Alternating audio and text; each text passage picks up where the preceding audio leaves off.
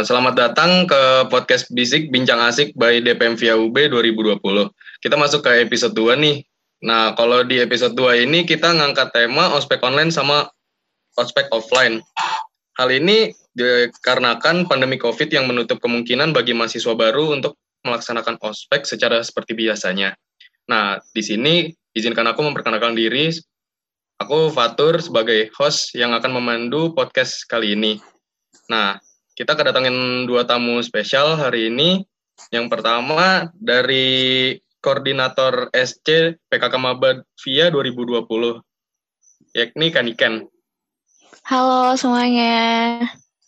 Nah, untuk yang tamu yang kedua nih, dari CEO Utama DPM Via UB 2020, Trihardika Srijaya Negara. Halo teman-teman. Nah, karena udah perkenalan nih, aku pengen nanya nih kesibukan dari Kaniken belakangan ini apa ya kira-kira? Kalau kesibukan sih ya seperti sewajarnya anak semester 7 ya. Magang, ngerjain laporan, terus mulai nyusun buat skripsi. Doain ya, semoga cepet lulus. Mantap, mantap. Semangat, semangat. Nah, kalau dari Dika nih, kira-kira kesibukannya apa? So sibuk okay. dah biasa. Kalau dari Kaniken kan semester 7 ya, magang dan lain-lain. Kalau aku baru semester 5 nih, teman-teman. Jadi kesibukanku ya uh, masuk kuliah ya kan, belajar, terus juga organisasi juga di DPM. Jadi gitu sih. Oke, oke, oke, oke. Thank you Dika. Mungkin kita bisa masuk aja langsung ya ke sesi list pertanyaan dan tanya jawabnya. Untuk yang pertanyaan yang nomor satu nih, uh, seperti apa teknis pelaksanaan ospek online? Mungkin Kaniken bisa jawab? Hmm, oke. Okay. Tentang teknisnya ya. Oke, sebenarnya kalau untuk teknis secara konsep kan kita juga sebenarnya garis besarnya sama. Terus nilai-nilai yang mau kita kejar di ospek um, orientasi buat teman-teman maba itu juga sama ya kayak tahun lalu. Cuman karena kondisi kayak gini, jadi teman-teman mulai bikin beberapa cara dan inovasi-inovasi. Nah, untuk pelaksanaan untuk Ordik Ormo kemarin sih ini ya uh, teman-teman pakai aplikasi Zoom gitu. Jadi untuk uh, rangkaian dari Ordik Ormawa sampai ke belakang, insya Allah sih mau pakai Zoom ya karena di sana banyak fasilitas uh, fitur-fitur yang bisa dipakai buat uh, ngebantu aspek ini gitu. Kayak kemarin Ordik Ormawa itu teman-teman pakai Zoom dibagi ke beberapa Zoom karena nggak ada Zoom yang ada sih, cuman kita kemarin pakai Zoom yang bukan buat menampung semua maba via yang banyak ini.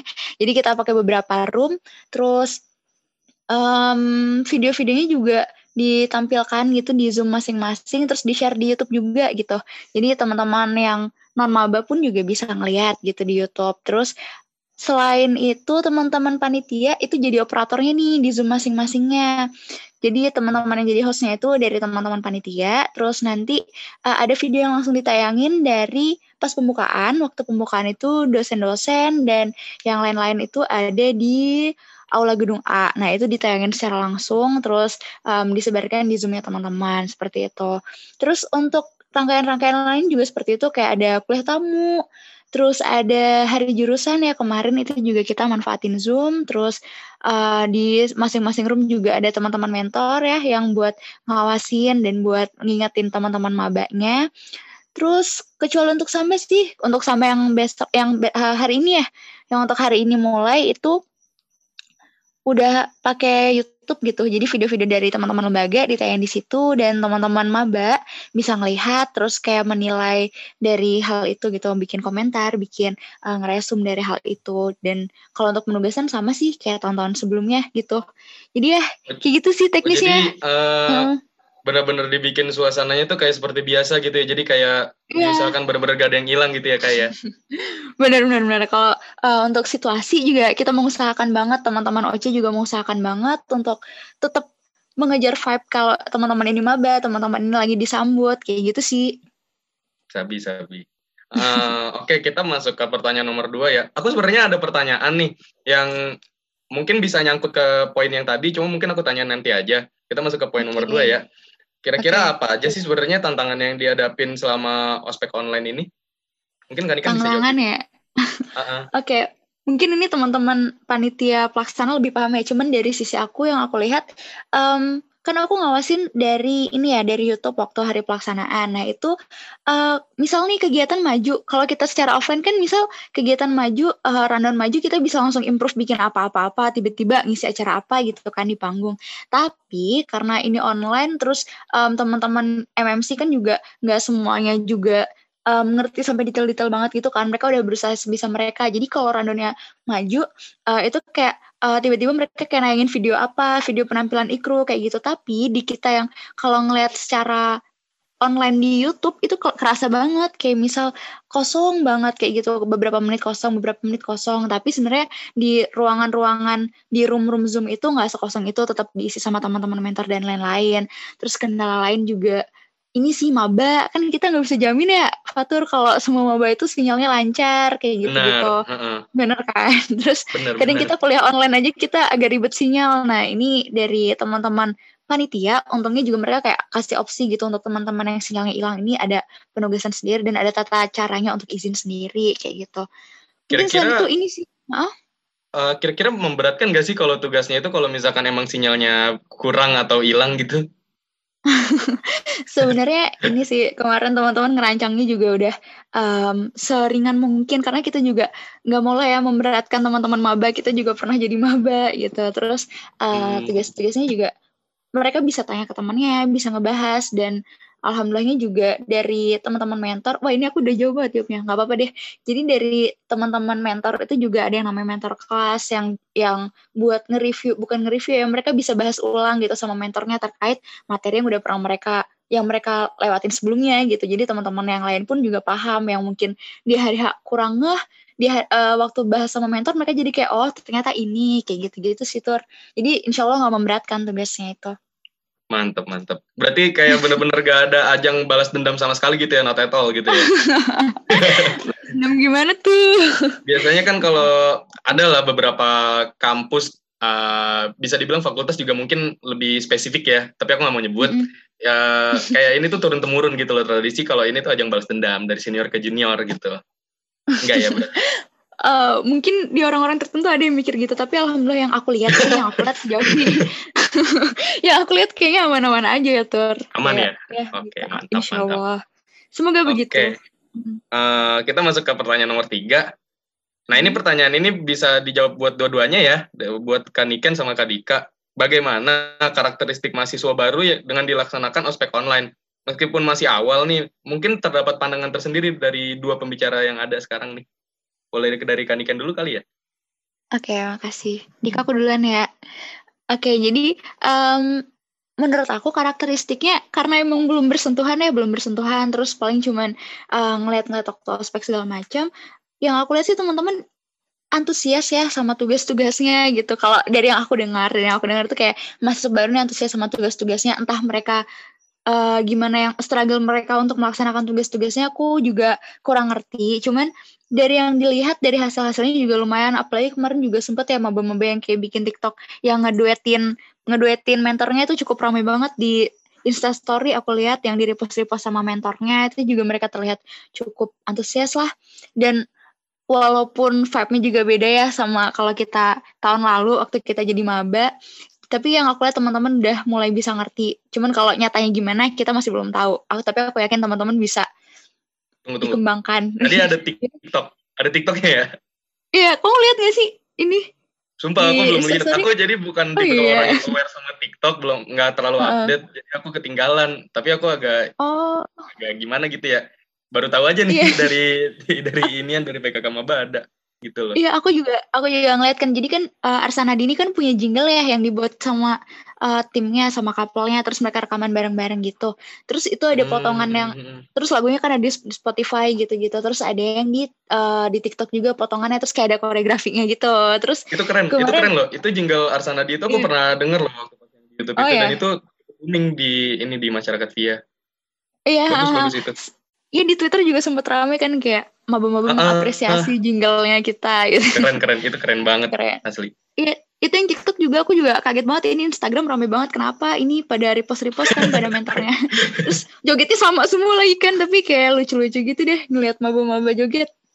Mantep loh itu. Mantap, mantap. Oke ya. mungkin dari Dika gimana nih kalau dari pendapatan Dika? Oke, makasih Mas Fatur ya. Jadi kalau dari aku mungkin kurang lebih sama juga nih, sama kan Iken juga, karena aku juga belum pernah melihat secara fisik kan dari teman-teman maba. Cuma yang aku lihat dari teman-teman mahasiswa baru ini sepertinya emang sudah kondusif, sudah baik. Dan juga benar sih katakan Iken, emang antusias gitu. Dan cara panitia PK2 Maba dari VIA ini cukup menarik gitu untuk membuat ma mahasiswa baru VIA ini antusias akan dengan ospek itu kan, ya kan? Dengan membuat kayak TikTok tadi, terus juga tugas-tugasnya juga menurutku juga variatif gitu, inovasi kan.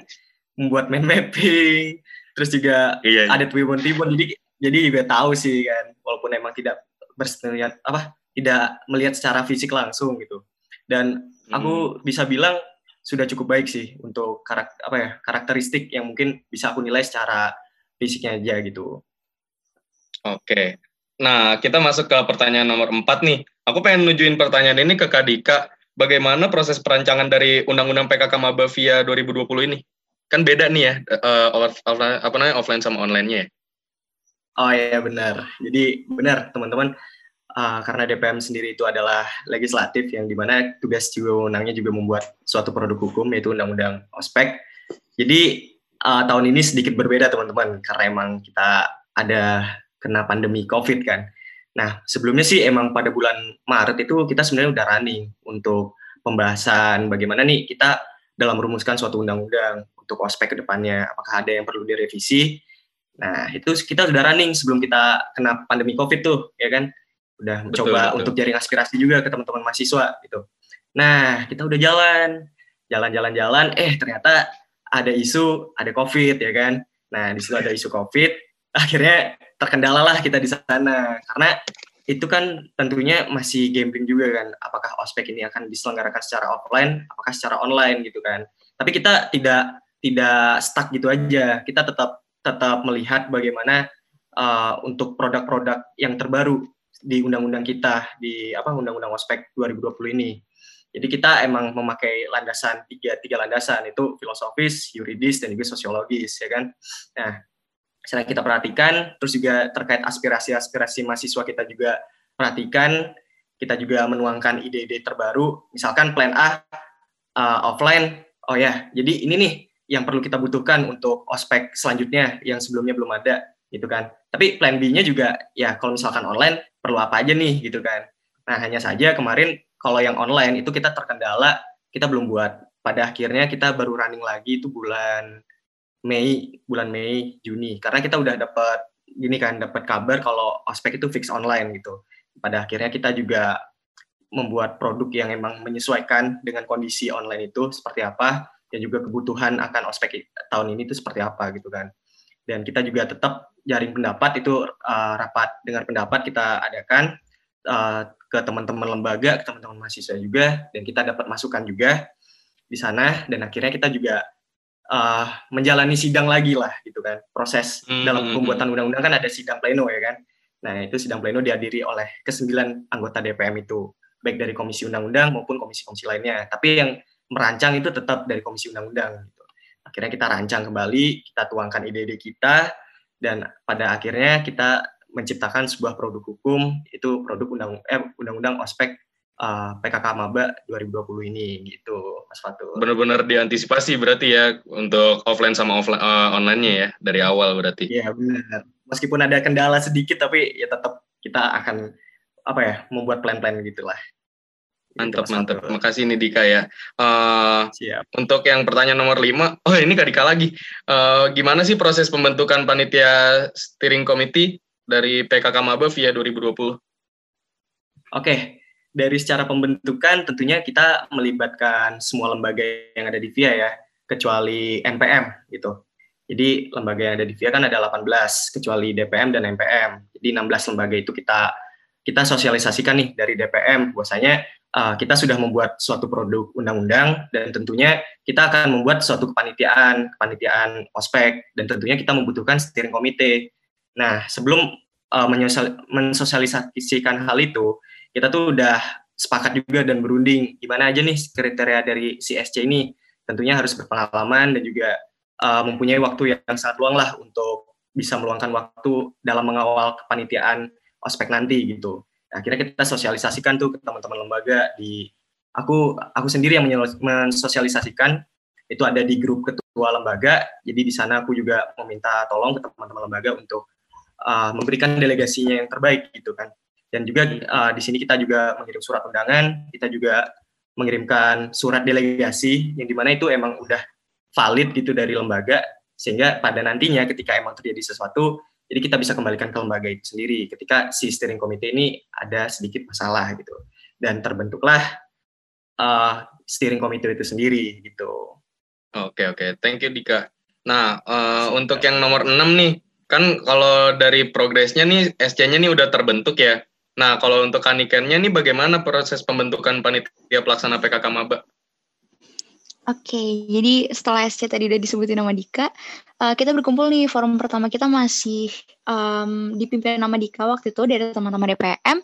Selanjutnya kita mulai merancang timeline timeline tentang kita open recruitment cuman karena waktu itu kita timeline mepet banget ya sama um, waktunya udah deket banget deh pokoknya. Akhirnya uh, kita memutuskan untuk kita segera open recruitment ke top laksana. Waktu itu kita udah buka udah sebar poster segala macam di, dibantu sama teman-teman lembaga lainnya. Terus beberapa hari kemudian kita udah screening waktu itu yang calon ada Firman itu. Lalu setelah Firman kepilih kita buka open recruitment untuk staff dan CO gitu. Jadi kita pengumumannya bareng, pengumuman bareng untuk open recruitment-nya. Lalu setelah itu kita screening CO dulu nih. Jadi teman-teman CO kita screening duluan di satu hari, lalu kita didiskusikan beberapa hari dan setelah itu baru kita sambil screening anggota. Jadi sebelum anggota terpilih, teman-teman cewek ini kan udah terpilih, nah itu kita hubungin mereka dulu, terus um, kita habis itu kasih tahu kalau anggota yang kepilih ini, ini, ini, ini, kayak gitu.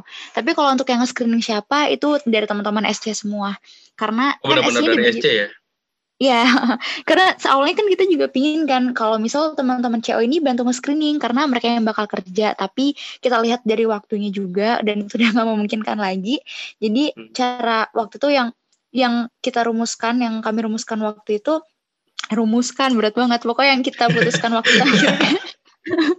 Udah kayak apa? Terus uh, akhirnya kita itu sih teman-teman SC yang screening selain nge-screening nge-screening CO ada yang screening anggota juga. Nah, uh, karena udah dibagi SC divisi ya misal uh, divisi mentor SC-nya siapa aja, divisi ikru siapa aja. Nah, itu dari SC-SC inilah yang menentukan pertanyaan-pertanyaannya apa, nanti disampaikan ke teman-teman SC semua dan nanti dari teman-teman SC ini yang janjian nih sama teman-teman calon staff gitu. Jadi hmm. teman-teman SC divisi ini yang nge-screening dengan berdasarkan kriteria yang udah ditentuin gitu.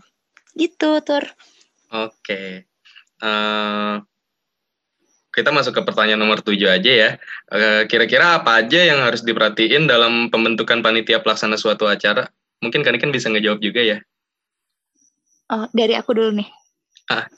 Oh ya, uh, kalau pelaksa, uh, panitia pelaksana suatu acara secara general ya, kalau menurut aku, um, untuk pembentukan suatu acara pertama butuh cari tahu dulu nih kita acaranya mau kayak gimana. Jadi kita tahu butuhnya divisi apa aja terus nanti divisi apa aja itu kira-kira proporsinya kayak gimana berapa orang tuh biasanya ngapain aja. Nah dari dari situ kan kita bisa tahu nih kayak hmm, kita butuhnya berapa orang terus kayak ntar kita carinya orang-orang yang kayak gimana itu. Jadi itu sih yang perlu diperhatikan untuk pembentukan panitia. Jadi harus sesuai sama kebutuhannya kayak gitu Oke, nah kalau terkait ini rekrutmen staff PKK Maba 2020 sendiri gimana kak? Jadi kan sesuai sama kebutuhan yang ada nih ya. Iya, kalau ya, untuk ospek online gimana?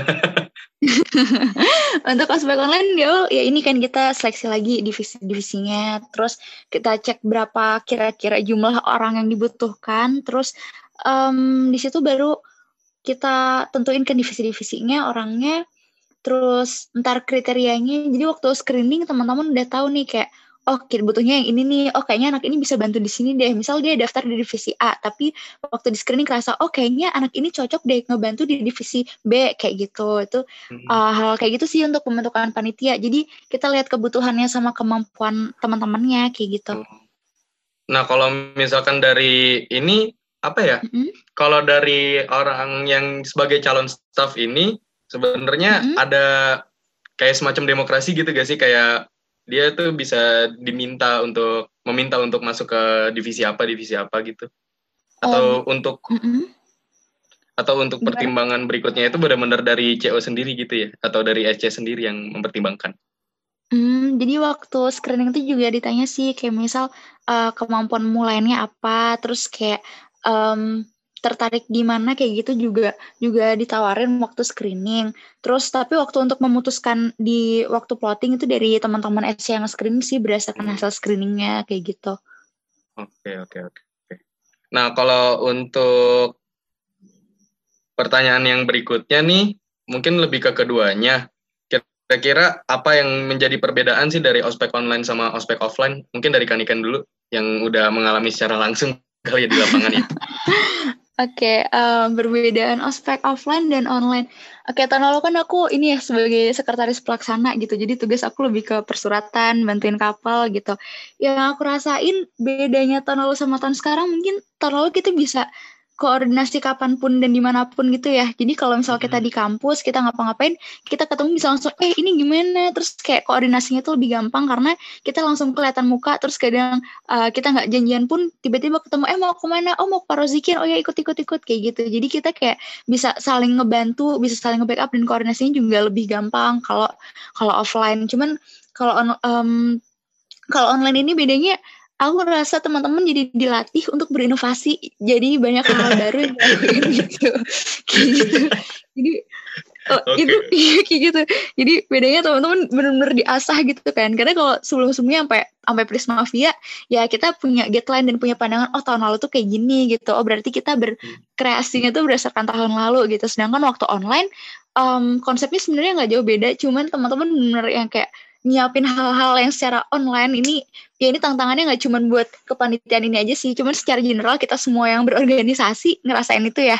Nggak cuma hmm. uh, dan teman-teman ini juga yang aku lihat itu sih. Cuman kalau untuk mabanya juga mereka pasti vibe-nya beda ya. Tahun lalu kita ngerasain parah. uh, ya kita datang subuh subuh ke via baris panjang sarapan bareng bareng gitu-gitu.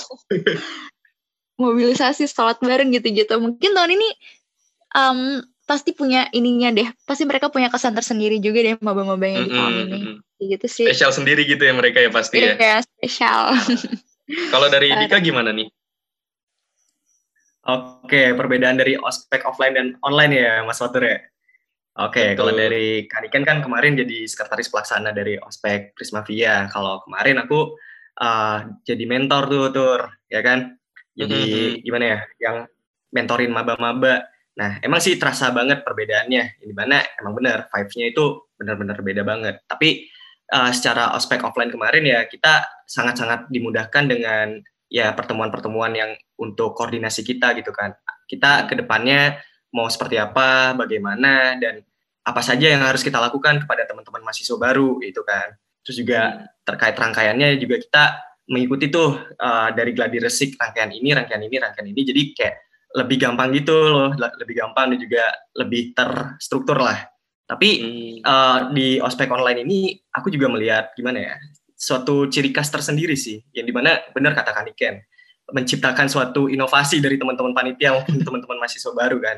Di mana ini benar-benar keluar dari zona yang emang sebelumnya offline kayak gimana tuh, gitu kan? Habis itu dijadikan online, ya itu akan menjadi suatu perubahan yang besar.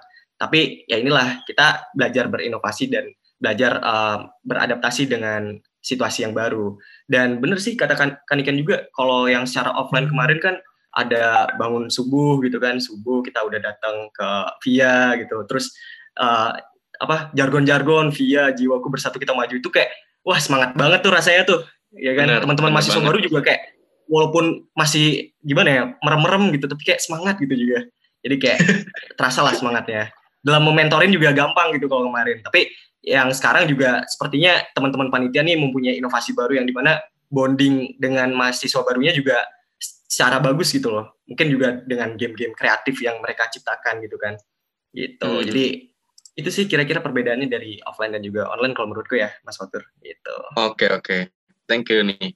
Nah, kalau untuk yang berikutnya nih pertanyaan yang ke-10, ini pertanyaan seputar divisi yang ada di PKK Maba yang sekarang nih yang online. Kira-kira divisi apa aja sih yang dihilangkan dan divisi apa yang paling berat nih sekarang tugasnya? Mungkin okay. kan ya bisa jawab. Ya.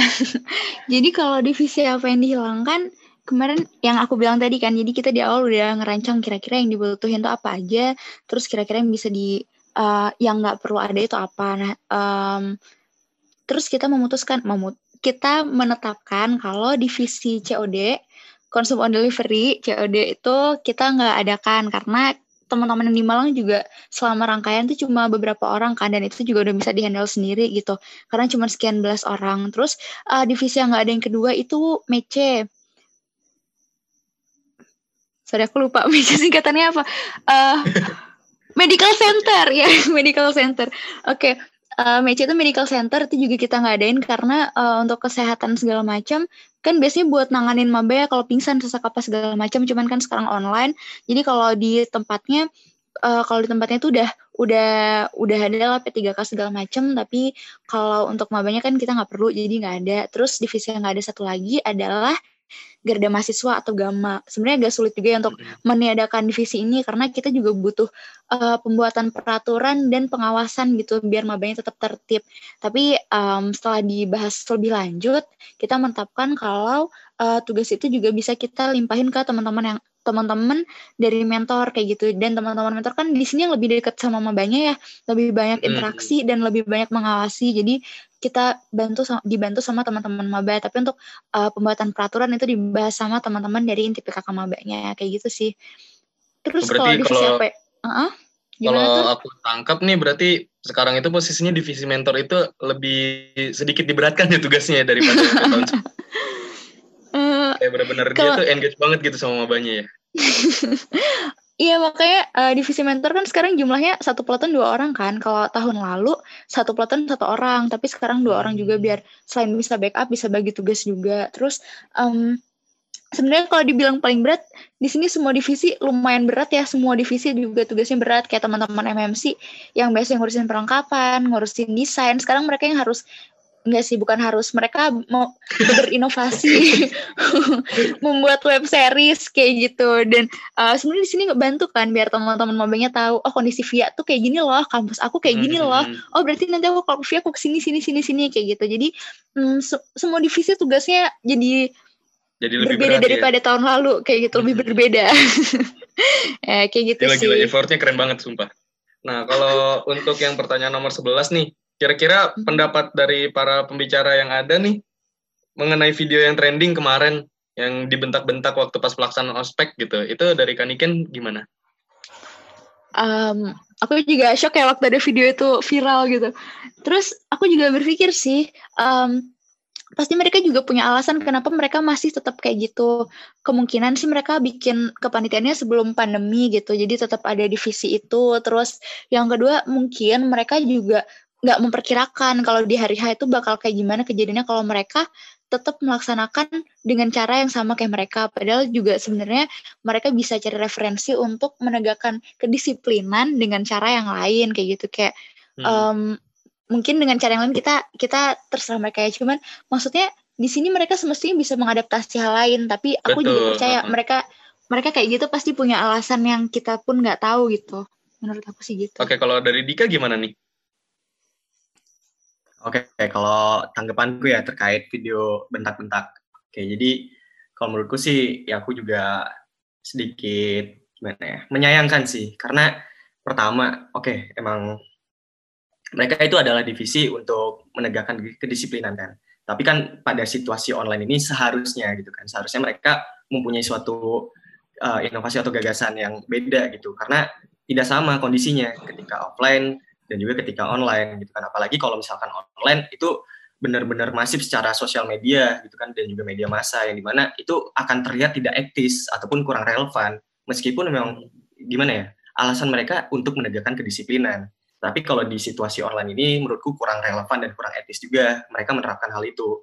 Dan seharusnya sih mereka sudah gimana ya sudah mencari plan B lah untuk misalkan uh, cara lebih persuasif lah untuk menegakkan kedisiplinan gitu loh karena yang kemarin aku lihat juga kayak uh, masalah sabuk lah ya kan, masalah sabuk gitu.